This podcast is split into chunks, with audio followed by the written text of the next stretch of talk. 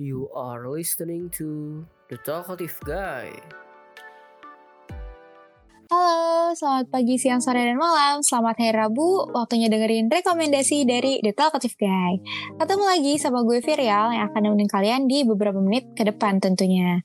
Nah, kali ini gue nggak sendiri karena gue ditemenin sama partner gue yaitu Halo, kenalin aku Andini. Untuk saat ini, kebetulan aku habis lulus dari kuliah dan kesibukan saat ini aku masih jadi job seeker. Oke, jadi Kak Andini sekarang masih lowong gitu ya, uh, Ya, belum banyak betul. kesibukannya. Nah, di episode kemarin kan kita udah bahas rekomendasi tentang tontonan gitu. Nah, nonton itu gak lengkap kan kalau misalnya kita gak makan atau nyemil, ya nggak Kak? Setuju nggak? Setuju banget, itu teman paling cocok sih. Nah, jadi kali ini kita bakal bahas apa Kak? Kali ini kita bakal bahas rekomendasi makanan hits di Jakarta dan di Semarang.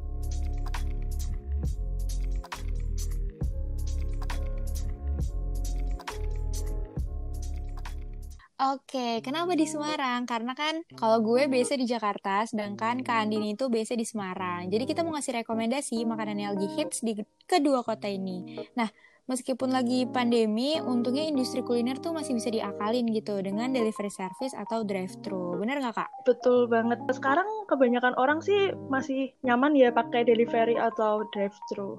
Mm-mm, karena ya menghindari kontak langsung gitu. Oke, langsung aja kita masuk ke urutan pertama dari Jakarta. Jadi yang pertama itu ada salmon mentai, rice atau shirataki. Oke, Kak Anin udah pernah dengar mentai nggak sih kak? Tahu dong, karena akhir-akhir ini kan hits banget kan eh, makanan yang dipaduin sama saus mentai. Nah iya, jadi uh, makanan ini dari Jepang tentunya. Nah ini tuh dia kayak daging ikan salmon yang dipanggang terus disajiin sama nasi dan disiram saus mentai. Nah saus mentainya ini tuh di blowtorch gitu yang pakai api-api. Jadi ada efek smoky-nya. Nah kalau misalnya uh, base-nya rice, ada juga yang base-nya shirataki. Nah karena diganti base shirataki ini jadi mulai viral nih.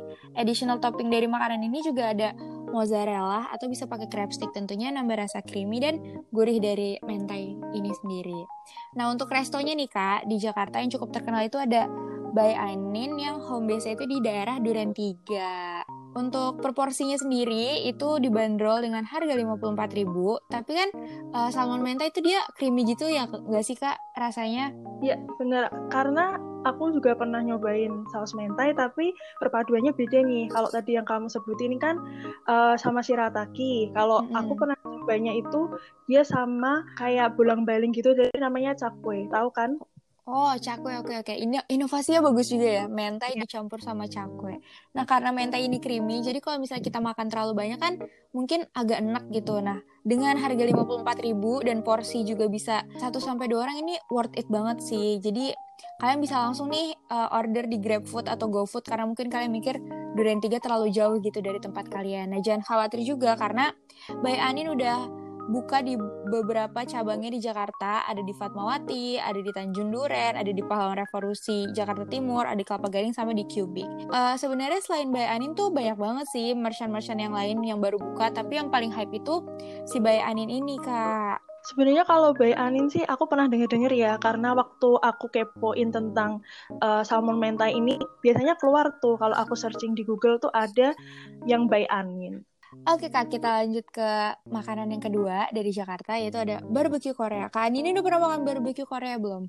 Oh, pernah dong. Kalau di Semarang tuh juga ada nih, banyak barbecue Korea banyak banget. Nah, ya kan di Jakarta lagi happening, ternyata di Semarang juga lagi happening, guys. Jadi biasa itu kita taunya Japanese grill gitu kan. Sebenarnya uh, Korean barbecue sama Japanese grill tuh nggak terlalu beda gitu. Cuma kalau Korea barbecue ini biasanya dagingnya lebih tipis dan lebih banyak lemaknya, guys. Dan bumbunya itu juga ada original, ada gurih, manis, sampai ada pedes juga karena kan kalau Korea tuh dia pedesnya nggak main-main gitu. Sistemnya juga sama, tetap all you can eat.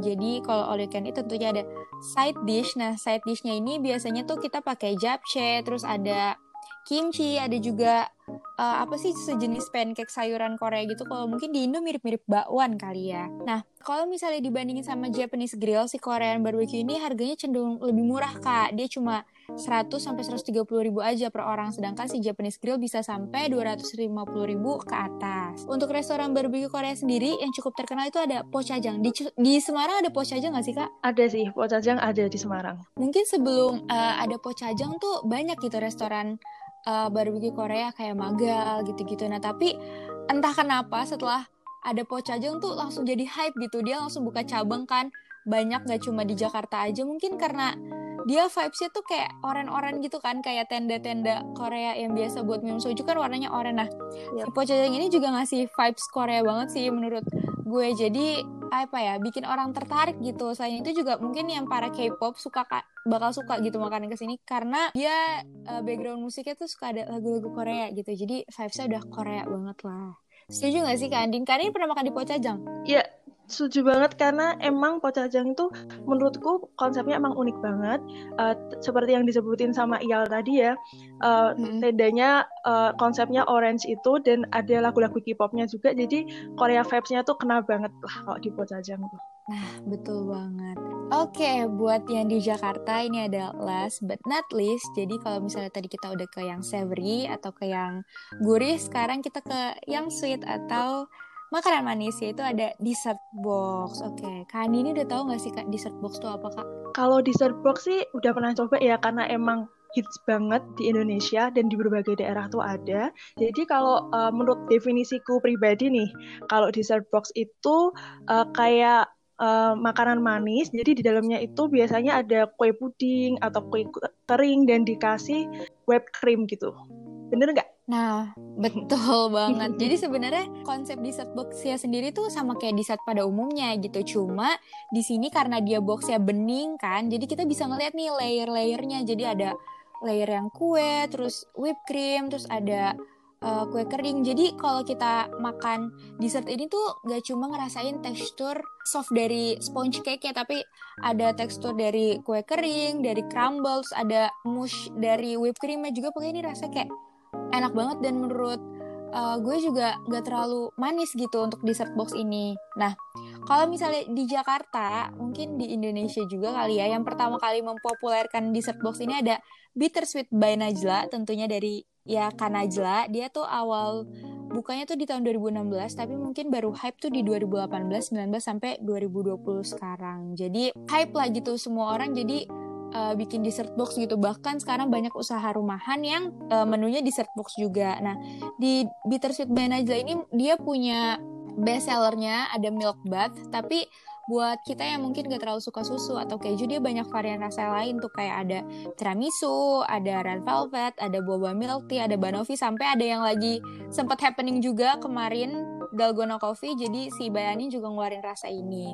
Nah, untuk harganya Kak itu cuma 35.000 sampai 75.000 aja. Jadi uh, bisa lah untuk dimakan 2 sampai 3 orang karena kan dia cukup gede gitu ya. Nah, buat kalian nih yang mau ngasih hampers ke teman-teman, terus pengennya yang simple tapi tetap classy, dilihatnya bisa banget nih ngasih dessert box. Jadi itu yang tadi dari Jakarta. Sekarang kita lihat versi Semarangnya. Kita dengerin. Oke, okay, kalau tadi Iyal mungkin bahas tentang makanan-makanan yang berbau resto, yang berbau manis. Sekarang kita pergi dulu nih ke pinggiran dulu. Jadi di Semarang itu uh, banyak banget uh, makanan hits yang uh, dijual di kaki lima nih. Nah, uh, aku mulai dulu yang pertama. Jadi yang pertama itu ada leker paimo. Kalau leker mungkin uh, bagi kebanyakan orang udah lazim ya. Dan oh, uh, udah familiar. Mm, bener banget. Jadi bedanya tuh kalau leker itu uh, adonannya tuh sebenarnya mirip nih sama pancake, cuma kalau leker itu lebih tipis. Nah, untuk di Semarang sendiri yang paling terkenal itu leker paimo. Jadi leker paimo itu yang jual Pak Paimo nih. Jadi namanya Oke. Okay. Oh. Namanya sendiri ya. Namanya sendiri. Itu kayaknya istilahnya karena orang-orang nih yang beli nih. Pak, Pak, Pak siapa? Oh, Pak Paimo nih. Nah, itu makanya Pak Paimo. nah, tepatnya ini uh, di Jalan Karanganyar nomor 37. Kalau mungkin uh, dari berbagai kota yang beda datang ke Semarang, mungkin bisa bilang di depan SMA Loyola. Nah, pasti uh, kebanyakan orang-orang Semarang tahu lah anak muda. Biasanya kita uh, lazimnya kalau uh, leker kan rasa pisang, coklat, keju. Tapi kalau di leker Paimo ini ada rasa-rasa yang uh, emang beda banget nih. Ada rasa karamel, terus ada rasa mayonnaise, sosis mozzarella. Jadi kayak rasa-rasa yang ada di pizza itu di Paimo ini ada. Oh, jadi dia nggak cuma manis tapi dia ada modifikasi ke yang Bener. gurih gitu ya? Iya, jadi varian rasanya nggak cuma manis aja tapi ada yang gurih, asin gitu. Dan ini uniknya dari Lekar Paimo, dijualnya itu di gerobak di bawah pohon. Jadi tempatnya sederhana banget kecil cuma pakai rombong aja jadi rombong tuh istilahnya kayak kalau tadi seperti yang dibilang sama Iyal yang kayak tenda-tenda gitu nah itu kayak gitu, oh, gitu kecil okay. nah jadi yang bikin Reker Paimo terkenal juga ini karena antrenya panjang banget jadi kalau mau beli emang harus rela buat antri nih gitu. Oh iya, pasti uh, enak banget ya. Uh, enak banget pasti. Langsung kepikiran gitu. ini yang uh, ini ketinggalan nih soal harga nggak perlu khawatir karena mulai dari 2000 aja kamu udah bisa dapet lekar paimo nih dan uh, sesuai sama toppingnya juga nih kalau yang paling mahal itu 35.000 terdiri dari telur, kornet, sosis, tuna, mozzarella. Oh, paket lengkap ya meskipun harganya agak tinggi tapi nggak mengkhianati gitu karena porsinya juga kayak pasti bakal banyak dan ngenyangin banget ya gak sih kak? Bener banget. Jadi kalau misal mau main ke Semarang jangan lupa dibeli cemilan satu ini nih, leker paimo. Oke okay, guys, jangan lupa dimasukin ke list ya. Oke, okay, aku lanjut yang kedua ya. Jadi yang kedua itu nasi ayam. Kalau nasi ayam orang-orang udah pada tahu lah paling nasi sama ayam. Nah ini yang hmm. uh, yang terkenal di Semarang itu nasi ayam Buwido. Jadi Semarang itu nggak cuma terkenal sama tahu gimbal, lumpia, wingko bebek, tapi juga kuliner nasi ayamnya nih. Nah untuk kuliner nasi ayamnya ini terletak di Simpang Lima. Pasti ya tahu kan kalau Simpang Lima Semarang itu ada Simpang Iya, iya. Betul betul betul. Kayak kalau Semarang tuh identiknya sama Simpang Lima gitu. Iya, buat orang yang dari uh, kota lain mungkin kalau ke Semarang pasti lewat lah wajib. Simpang Lima, wajib lah. Wajib ke Simpang Lima. Nah, ini tepatnya itu di Hotel Ciputra dan Plaza Simpang Lima. Untuk menunya sendiri itu terdiri dari kayak potongan telur rebus gitu uh, yang ada bumbunya, kemudian opor, sayur labu, sama krecek nih. Oh iya, ditambahin lagi sama suiran ayam. Jadi kayaknya kurang lengkap gitu loh. Kalau nasi ayam nggak ada ayamnya, ya enggak? Bener-bener. Mungkin ini konsepnya mirip sama nasi rames atau nasi campur yeah. kali ya kak. Karena mm -hmm. kan lauknya banyak banget mm -hmm. gitu kan. Iya, bener banget. Jadi ini konsepnya sama banget kayak nasi campur. Dan ini nih yang unik kalau makanan kaki lima itu biasanya sate-sateannya nih. Jadi ada sate telur, sate usus, kemudian ada paha, dada, kepala, sayap ayam gitu. Wah, asik kayaknya. Langsung kebayang. Bener-bener pasti kalian di, yang dengerin juga langsung ngebayangin aduh kayak enak banget gitu kayak aduh lapar gitu. Apalagi kalau kalian tahu harganya yang murah banget nih. Jadi untuk uh, satu porsi nasi ayamnya itu mulai dari sepuluh ribu sampai dua puluh tujuh ribu nih. Wow udah dapat ayam guys. Bayangin cuma sepuluh ribu kamu udah bisa dapat ayam. Tapi kalau untuk sate-sateannya ini uh, kalian perlu menyiapkan kocek tambahan nih sebesar eh, tiga uh, ribuan lah. Dan lauk ayamnya itu sekitar lima ribu sampai 8 ribuan. Bisa juga request rasa pedes loh buat kalian yang mungkin uh, suka pedes bisa ditambahin kok di sini. Oke. Okay. Ini yang terakhir. Jadi kita biar tiga sama. Tadi yang nyebutin tiga, aku juga harus nyebutin tiga dong. Jadi yang terakhir ini betul, betul, betul. ada nasi gandul. Nah nasi gandulnya ini nasi gandul Pak Mehmet. Kalau yang tahu biasanya nasi gandul kan dari Pati ya? Ya, oh, nasi gandul Pati kayak di Jakarta juga ada di nasi gandul Pati. Nah, ini kali ini nasi gandul di Semarang. Jadi nasi gandul ini punya Pak Mehmet. Kenapa dinamai Pak Mehmet? Jawabannya pasti. Karena yang jualan ya, Pak Mehmet. Ya, kayak betul, betul. kayak Paimo dan Bu Wido tadi. Jadi ini hmm, Pak. Mehmet. Oke, jadi uh, kalau nasi gandul Pak Mehmet ini uh, ada di Jalan Dokter Cipto. Nah, bukanya itu mulai setengah lima sampai setengah sepuluh malam. Nah, kalau nasi gandul Pak Mehmet itu emang udah hits banget karena kalau pas buka itu biasanya langsung kebanjiran pembeli, apalagi kalau musim Ramadan nih. Oh iya, ini kalau nasi gandul Pak Mehmet ini uh, disajikan juga dalam daun pisang di atas daun pisang jadi aromanya itu khas banget daun pisang wangi banget pasti nasi putih hangat disiram kuah panas mm -hmm. dan jadilah nasi Waduh. gandul wah buat lauknya nasi gandul tuh ada apa aja kak? Nah kalau untuk lauknya itu ada daging sapi sama jeroan nih kayak misal uh, jeroan itu sus, kikil, paru, pa paru, eh, hati ya enggak. Nah hmm. harganya pokoknya don't worry banget karena harganya itu cuma 17 ribuan per porsinya. Wow, pasti kayak udah murah terus kayak kedengarannya juga enak gitu. Betul banget. Tapi kalau lauknya misal mau diubah uh, yang lebih murah lagi bisa kok pilih lauk telur itu harganya cuma lima belas ribu dan sembilan ribu untuk gorengannya. Oke jadi kita bisa milih bisa mau menu apa. Pokoknya sesuai selera kita banget ya kak. Sesuai selera kita pokoknya gitu deh selesai. Aku kaki lima tadi kamu udah rekomend tempat yang di resto yang ada di Jakarta. Di restoran gitu.